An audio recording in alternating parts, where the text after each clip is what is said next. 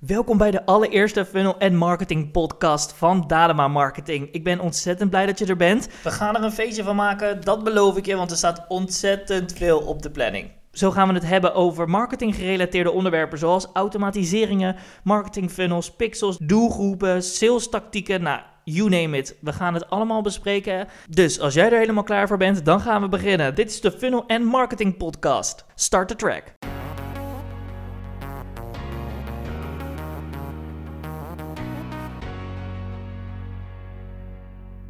Mijn naam is Olivier Dadema. Ik ben op dit moment 22 jaar. Ik ben eigenaar van Dadema Marketing. En samen met mijn team maken wij funnels voor uh, klanten van over de hele wereld. Hiermee uh, maken wij dus de unieke landingspagina voor de klanten met uh, bijhorende advertenties op zowel social media kanalen als op Google. En uh, vervolgens bouwen wij ook de hele automatisering, dus de CRM, de e-mail marketing, wat uh, voor gemiddeld 30% meer omzet zorgt. En dit koppelen we allemaal aan elkaar, zodat het één groot werkende funnel is. We bestaan nu één jaar. Uh, februari 2020 hebben we officieel de virtuele deuren geopend.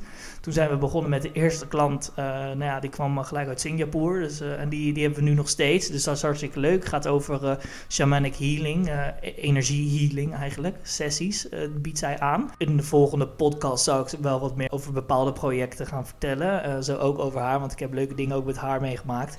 Wat dingen die totaal niet werkten voor haar. Andere tactieken die totaal wel werkten. Uh, die ons compleet hebben verrast. Dat soort dingen heb ik allemaal in mijn rugzakje. En ik sta te popelen om dat met jou te delen. Ik ben zelf ja, echt een ondernemer, net als mijn ouders eigenlijk. Die hebben allebei ook een eigen bedrijf. We hebben heel lang samen, uh, meer dan 15 jaar samen, een trainingsbureau gehad. En uh, ja, ik ben eigenlijk dus in een ondernemersfamilie geboren. En uh, ja, dat zit gewoon in mijn bloed. Mijn broertje en zusje wat minder. Maar goed, dat is natuurlijk ook niet erg. Ja, ik ben net afgestudeerd aan de hotelschool. En nu dacht ik van goed, we gaan vol, volop richten op mijn agency. En daarbij hoorde natuurlijk ook de podcast.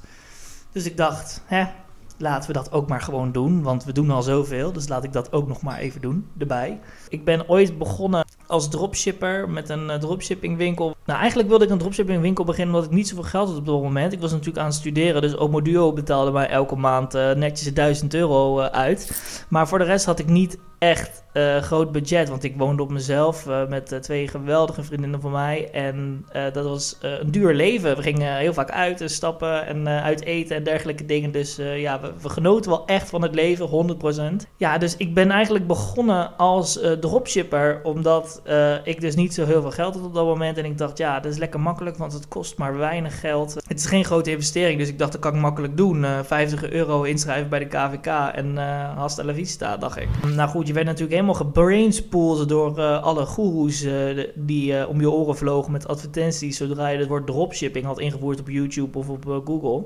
je werd heel erg door gemotiveerd eigenlijk in het begin om door te pakken, eigen website te bouwen, alles uit te zoeken en ja, te gaan strijden voor die 10k per maand. En dan vervolgens 50k per maand en dan 10k per dag, weet je wel. zo ging dat dan een beetje. Zo werd je heel erg opgejut. En ik merkte toch dat, dat ik dat helemaal niet prettig vond. En het, het demotiveerde mij op een gegeven moment ook onwijs. Omdat ik dacht, ja, het werkt niet voor mij. Um, want de eerste paar weken waren natuurlijk verschrikkelijk. Ik bedoel, ik wist nog niet eens hoe Facebook ads werkte en ik ging het allemaal maar gewoon doen. En achteraf is dat natuurlijk hartstikke goed, want daardoor heb ik wel alles kunnen opbouwen wat ik nu heb. Een agency. Uh, en dat heb ik niet kunnen doen zonder dat ik niet een paar keer uh, goed op mijn bek ben gegaan in het begin. Maar goed, ik was natuurlijk 19 jaar, dus ik wist niet zo goed wat ik aan het doen was. En ik uh, pruttelde maar wat eigenlijk. Ik probeerde gewoon alles uit wat, wat ik dacht. En nou goed, uiteindelijk is het goed, goed afgelopen. Of althans zijn we nu nog steeds mee bezig met prachtige, prachtige klanten, prachtige cases, prachtige projecten. Maar het begon eigenlijk allemaal dus als dropshipper. En uh, dat heb ik toen een half jaar gedaan. Toen dacht ik, hmm, laat ik even overstappen naar bol.com. Want het is toch wel handig. Dan hoef ik verder geen advertenties meer te doen en een eigen website te hebben. Dus uh, nou ja, zo gezegd, zo gedaan. Eigenlijk alles uh, overgezet naar bol.com. Wel nog zelf de verzending geregeld. En dat ging eigenlijk hartstikke goed. Ik verkocht ontzettend veel. En ik was ehm, met iedereen aan het concurreren. Dus ik dacht, weet je, dat dropshippen, dat is inderdaad dood. Want zulke advertenties kreeg je ook allemaal te zien. Van die goeroes zeiden dat dropshipping dood was. En dan uh, gingen ze andere dingen aan je proberen te verkopen.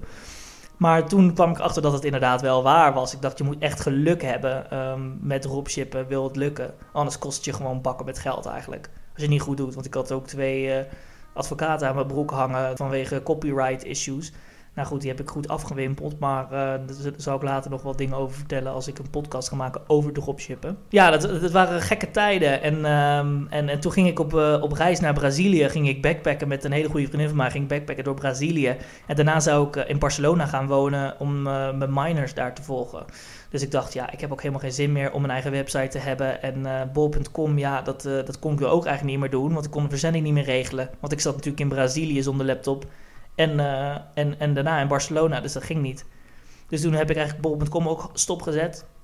Toen heb ik een prachtige reis gemaakt. Echt geweldig. Brazilië is geweldig. Vooral Rio de Janeiro is echt ongelooflijk. Ik heb er geen woorden voor. Maar toen ik dus in Barcelona aankwam, toen besefte ik dat de miners ook echt zo saai waren. Het was net een soort middelbare school. Toen besefte ik, ik wil geen dropshipping meer. Ik wil eigenlijk ook niet meer via bol.com. Ik wil uh, mijn advertentievaardigheden inzetten voor andere bedrijven, zodat ik in contact ben met mensen. Want dat miste ik heel erg. Bij dropshipping was het echt meer wat klantenservice, weet je wel. Je, kreeg berichten binnen en daar moest je op reageren.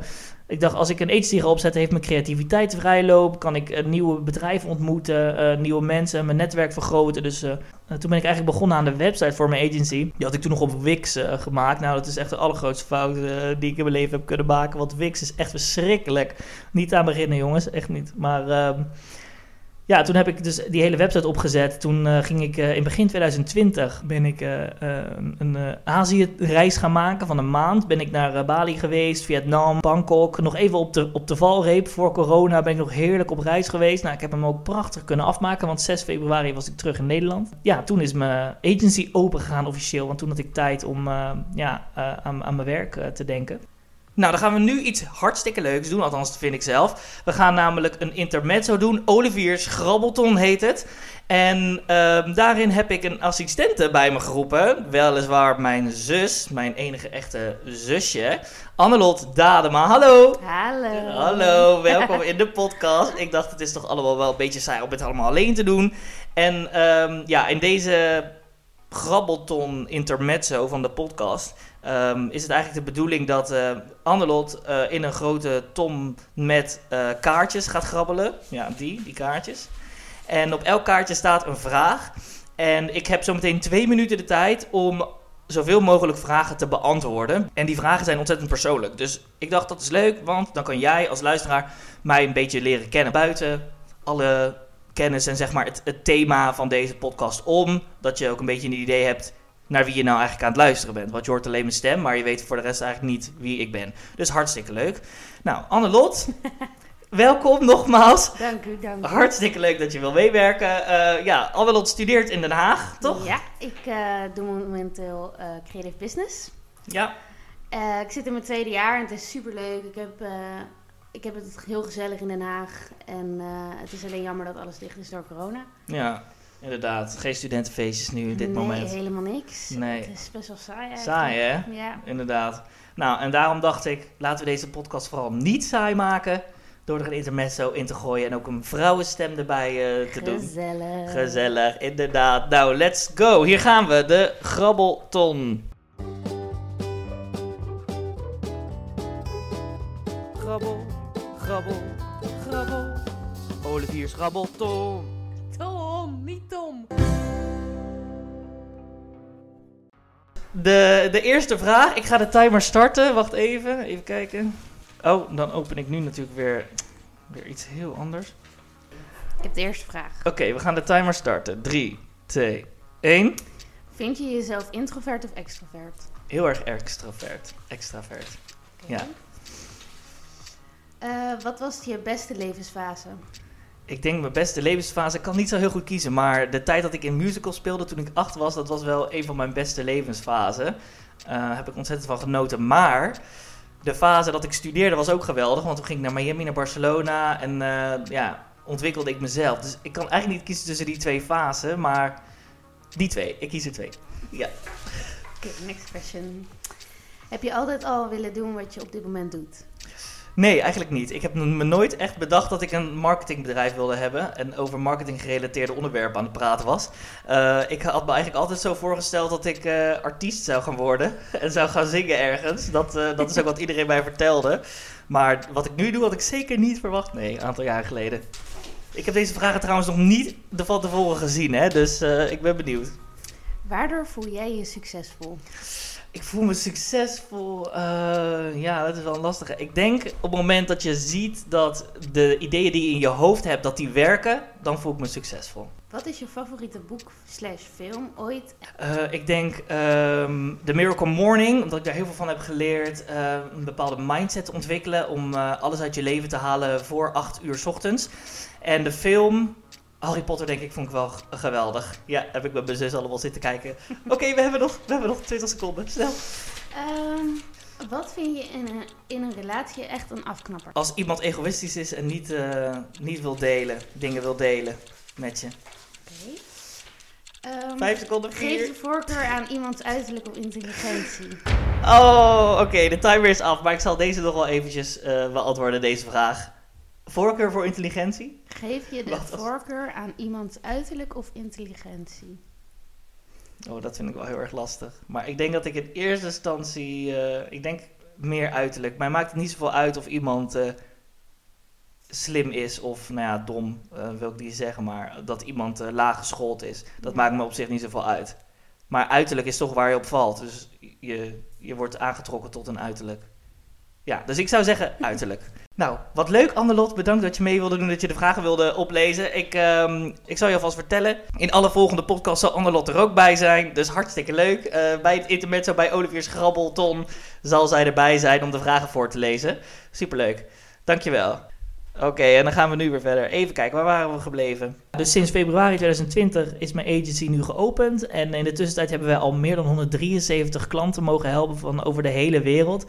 Uh, echt ontzettend leuk. En in, uh, in dit eerste seizoen van de podcast ga ik je er meer over vertellen. Ga ik je meenemen door verschillende projecten die ik heb geleerd, tactieken die ik heb geleerd. Ik ga gewoon alle tactieken ook met jou delen. Want ik denk dat je dat wel interessant vindt. Anders zou je deze eerste podcast ook niet luisteren.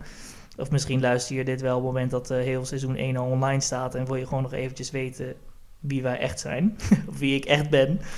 Um, ja, ik zal. Uh, ik, ik, ik, je gaat ons gewoon gaandeweg leren kennen. Ik wil ook dat de podcast gezellig zijn. Ik wil eigenlijk dat je de podcast op elk moment zou kunnen luisteren in je bed, uh, als je wakker wordt, als je onder de douche staat, als je op de bus staat te wachten. Je, je kan zo gek niet bedenken.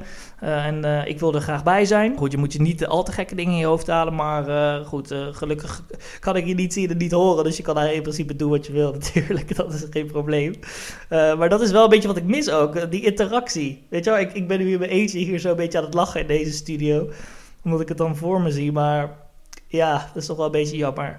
Maar goed, in ieder geval bereid om echt vette podcasts te maken. Uh, informatieve podcast, uh, leuke podcast, uh, waar, je, waar je eigenlijk om kan lachen ook. En al mijn uh, grappige momenten met jou uh, te delen. Dat, dat, dat wil ik gewoon heel graag. In ieder geval bedanken dat je deze eerste podcast hebt geluisterd. Ontzettend leuk dat je erbij bent. Uh, en dat je meer misschien wel hopelijk van mij wil horen. En nou, we gaan gewoon dit avontuur samen aan. Ik zou het daarnaast ook leuk vinden om wel iets van je te horen. Want het is natuurlijk een beetje eenrichtingsverkeer op deze manier. Maar ik heb ook Instagram en, en LinkedIn. Dus dan kun je me daarop toevoegen. En dan als je een vraag hebt, weet je, stuur me een bericht. Ik uh, antwoord uh, eh, 100% hoor, geen probleem. En anders uh, stuur je me een e-mail en dan zeg je: hey, luister eens, je hebt niet gereageerd. En dan komt het wel goed. Dus bedankt. Ik hoop van je te horen. Heel veel plezier met het luisteren naar alle podcasts. En dan spreken we elkaar snel.